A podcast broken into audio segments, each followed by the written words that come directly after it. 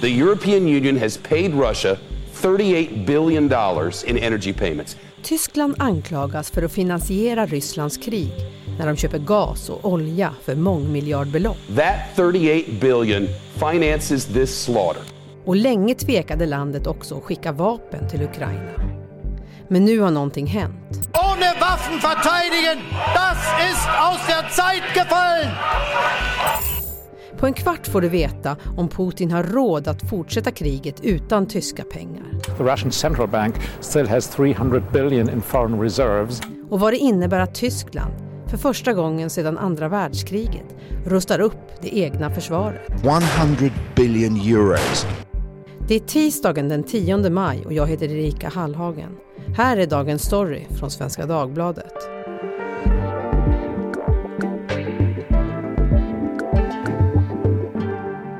Therese Larsson Hultin, du är utrikesanalytiker här på Svenska Dagbladet och har också bott i Tyskland i omgångar. Hur skulle du beskriva Tysklands relation med Ryssland på, på den tiden du bodde där? Tyskland och Ryssland har en speciell relation som till stor del bygger på skuld från Tysklands sida. Nu har ju, känner ju Tyskland skuld mot stora delar av området men förhållandet till Ryssland är speciellt just för att det var så oerhört många som dog under andra världskriget. Eh, och sen så finns det också någon form av beundran för Ryssland i vissa delar av tyska samhället. Så det här går liksom lite grann hand i hand. Och hur märktes det?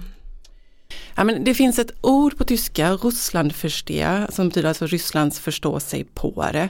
Um, och det märks så tillvida att man månar om att ha bra relationer med Ryssland. Det är verkligen viktigt, eller har varit ska jag säga, eh, viktigt för Tyskland. Eh, och det har funnits den här, som, man säkert, som ni säkert har hört nu på sistone, vandel durch handel-mentaliteten, alltså att man ska, kan förändra genom att handla med ett land. Handel überwindet politische Grenzen om vi nu handlar med Ryssland så kommer två länder som är beroende av varandra ekonomiskt krigar inte. Och sen så har du också tyska socialdemokratin som verkligen, som det här är väldigt starkt, liksom det som industrivänligt parti eh, som då har, som kämpar med sig själv just nu också och att den här omställningen som sker i Tyskland just nu i relationen till Ryssland. För nu har kriget i Ukraina kommit och tippat allt eh, ja. på, på ända. Allt. Ja. Hur är det stämningen i landet nu? Ja, men det, det är liksom man gör upp med sig själv en en gång. Eh, Tyskland gör ständigt upp med sig själv. Eh, liksom, titta på tysk tv vilken dag som helst så finns det x antal dokumentärer om andra världskriget och så vidare. Eh, och nu så, så är det mycket politiker som är ute i medier och säger att ja vi hade fel, vi borde inte agerat så här, vi borde ha förstått. Så att det, det är en, en tid av, av förändring i Tyskland. Mm. Tyskland är ju det land i EU som är mest beroende av rysk gas. Varför har de satt sig i den sitsen? Ja, men det är just del av det som jag var inne på tidigare. Eh, bygger du pipelines, eh, liksom, är man ömsesidigt beroende, för ju, man ska, kan även vända på det och säga att Ryssland blir beroende av tyska pengar också. Eh, så då, då bråkar man inte. Det här är ju en politik som går tillbaka sedan sent 60-tal, tidigt 70-tal, ostpolitik som Willy Brandt eh, som startade och som alla tyska kanslerer har ställt upp på sedan dess. Och sen är det ju också så här, människan är lat, när väl de här pipelinen finns där så det är väldigt lätt att bara fortsätta handla istället för att, att, att börja diversifiera och, och bygga nytt som man ju nu då får kritik för. Häromveckan gick ju Ryssland ut med att de stoppar gasleveranserna till Polen och Bulgarien eftersom länderna inte tänker betala i rubel. Men Tyskland då, kommer de råka ut för samma sak? Inte än så länge i alla fall, man vet ju inte om någonting vad som händer här framöver. Men eh, det, det, var tal om det, alltså Ryssland vill ha betalt i rubel av alla men man har lyckats kringgå det genom att hänvisa att i kontrakten står det euro och rubel och så har man öppnat eh, som jag förstått det då, konton i ryska banker som omvandlar till rubel och sen så får eh, Putin sina pengar i rubel fast inte direkt då från, från EU. Vad skulle det få för konsekvenser för Tyskland eh, om gasen stängdes av? Jättekonsekvenser. Ehm, alltså man har ju dragit ner sitt beroende otroligt mycket under den här krisen här nu. Ehm, jag har sett siffror på att ehm, innan krisen så hade man 55 procent av sin gas från, från Ryssland. Nu är det, man är på 35, man fortsätter att minska. Men från tysk politiskt håll och framförallt då från, från eh, socialdemokraten Olaf Scholz som är förbundskansler så säger man att, att skulle det liksom dras, stängas ner från en dag till nästa så skulle hundratusentals jobb försvinna för att det skulle vara så pass många företag som, som gick i konkurs. Eh, så man är ju otroligt orolig för det här. Den största krisen sedan slutet av andra världskriget. En lågkonjunktur djupare än någon lågkonjunktur vi någonsin upplevt. Så ödesmättat uttrycker sig företrädare för Tysklands största fackförbund och industrier om hur det skulle bli om den ryska gasen stryps helt. Hunderttausende Arbeitsplätze wären in Gefahr, ganze Industriezweige stünden auf der Kippe. Det är alltså inte bara kallare inomhustemperaturer nästa vinter som Tyskland kan ha att vänta, utan en ekonomisk kris som slår både mot hushållen, samhällsbärande verksamheter och landets stora industrier. Och som kommer att ge ringar på vattnet i hela Europa. It fears a recession if its heavy reliance on Russian gas is reduced too quickly.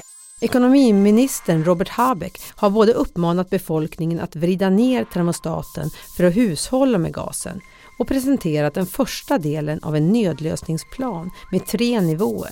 It is activating an early warning plan in preparation for possible shortages in gas deliveries from Russia. Sjukhus, utryckningstjänst och läkemedelsfabriker ska prioriteras, följt av privata hushåll. Industrier, som står för en fjärdedel av gasförbrukningen, uppmanas lägga fram sina argument för hur relevant deras verksamhet är. Vissa förutspår en bitter strid om vem som förtjänar energin mest. Vilken betydelse har egentligen de tyska pengarna för Ryssland då? Jo men de har ju såklart betydelse. Ehm, alltså det, jag har försökt hitta siffror här på hur mycket pengar som går från Tyskland till Ryssland varje dag hittar inga. Eh, tyska medier har också påpekat att liksom, det är svårt att få fram. Tagesschau som är typ tyska Rapport eh, såg jag här nu innan jag gick in i studion, eh, hittade siffror från i fjol. 2021 så eh, betalade Tyskland 61 miljoner euro, alltså drygt 600 miljoner kronor per dag till Ryssland. Men det är då för olja, gas och kol. Och sen dess har man ju då som sagt minskat eh, importen kraftigt. Men det är ändå väldigt mycket pengar som, som går varje dag. Och det finansierar ju kriget. Men man ska också komma ihåg att det är ju inte som att skulle EU sluta köpa liksom gas och olja från Ryssland så är det inte som att den inte skulle ta vägen någon annanstans. Man måste komma ihåg att det är så lätt här i Europa att tro att hela världen är emot Ryssland.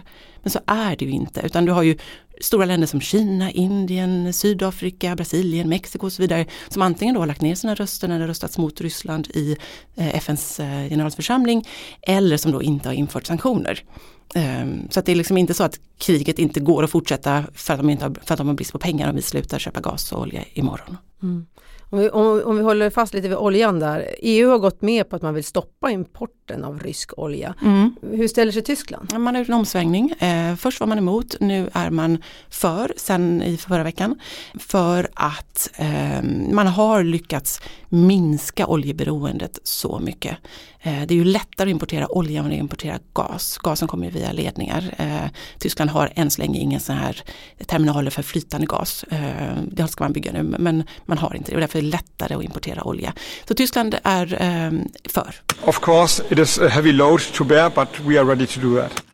Ryssland gick ju in i Ukraina 2014 med annekteringen av Krim. Gjorde man något då för att stoppa gas och oljeberoendet? Nej, det gjorde man inte och det är en del av det som kritiseras. Eh, det har ju uppmanats från EU och omvärld till Tyskland då att, att, att börja diversifiera. Istället så byggde man liksom klart då den här pipelinen, vi har hört så mycket om Nord Stream 2 eh, som ju eh, lades i malpåse direkt efter invasionen. Eh, men det som hände efter 2014 var ju att Angela Merkel, dåvarande kanslern, att hon eh, liksom försökte förhandla fram en, en fred mellan Ryssland och Ukraina och så vidare. Och så vidare. Men, men gasen gjorde man ingenting åt. Nej. Man ska också komma ihåg att Tyskland har ju lagt ner kärn, eller håller ju på att avveckla kärnkraften och sådär. Så att de är ju beroende av gas just därför. Och nu inleder man samtal med länder som Qatar. Ehm, mm. Nyligen kunde vi se här hur energiministern och vice förbundskanslern Robert Habeck skakade hand med Qatars ledare. Han bugade sig till och med. Ja. Mm. Vad, vad gjorde han där? Jag menar, han eh, åkte med en delegation eh, från näringslivet eh, och försökte då övertyga Qatar att, att öka importen. Eh, vilket Qatar sa ja till men de har också långa kontrakt med andra länder så att det liksom inte bara göra från en dag till en annan. Eh, och det handlar ju också om att få eh, gasen till Tyskland vilket inte då är helt lätt. Men, men, det är på gång. Katarischen Seite in die Vertragsverhandlungen tief einsteigen. Man, man gör mycket, man vänder varenda sten i Tyskland nu för att försöka skaka sig loss från det här tyska eller slått ryska beroendet.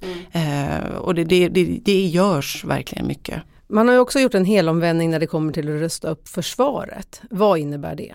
Ja, men det tyska försvaret har ju varit otroligt eftersatt. Eh, man har inte spenderat mycket pengar alls. Nu så direkt efter invasionen så ställde sig Olaf Scholz, förbundskanslern i förbundsdagen och lanserade att man ska ha en specialfond med 100 miljarder euro för att rusta upp och att man ska höja det man spenderar varje år till 2 av, av BNP som ju då NATO gärna vill att man gör. Mer als 2% des Bruttoinlandsprodukts in unsere Verteidigung investieren. Det man måste komma ihåg är att Tyskland är ett land som har djupt pacifistiska rötter sedan andra världskriget. I Tyskland hade du en 68-rörelse, det såg man ju i många länder, men i Tyskland var den ännu starkare för att ungdomarna då gjorde upp med sin föräldrageneration och sina mor och farföräldrar som man då anklagade för att ha varit medlöpare under nazismen. Så det genomsyrade liksom hela samhället på ett annat sätt och det är också det som lever kvar. Man har inte velat ha en stark armé, man har inte velat vara en stark eh, militär nation. Eh, och nu förändras det och det är del av den här stora omställningen som jag pratade om innan, att man liksom verkligen gör upp med sig själva. Eh, och det intressanta är ju att, att det tyska Miljöpartiet, de gröna, eh, som är del av regeringskoalitionen med liberaler och socialdemokrater, är ju de som har gjort den största omsvängningen. De kommer från fredsrörelsen, de grundades liksom kärnkraftsmotståndare och pacifister eh, var det som grundade. Och nu så är liksom, det är nästan de gröna som propagerar hårdast för att skicka tunga vapen till Ukraina. Eh, delvis för att man har varit liksom väldigt tuff mot Ryssland så länge. Mm. Du nämner Eller väldigt tuff för att vara tysk ska jag säga. Ja. Mm.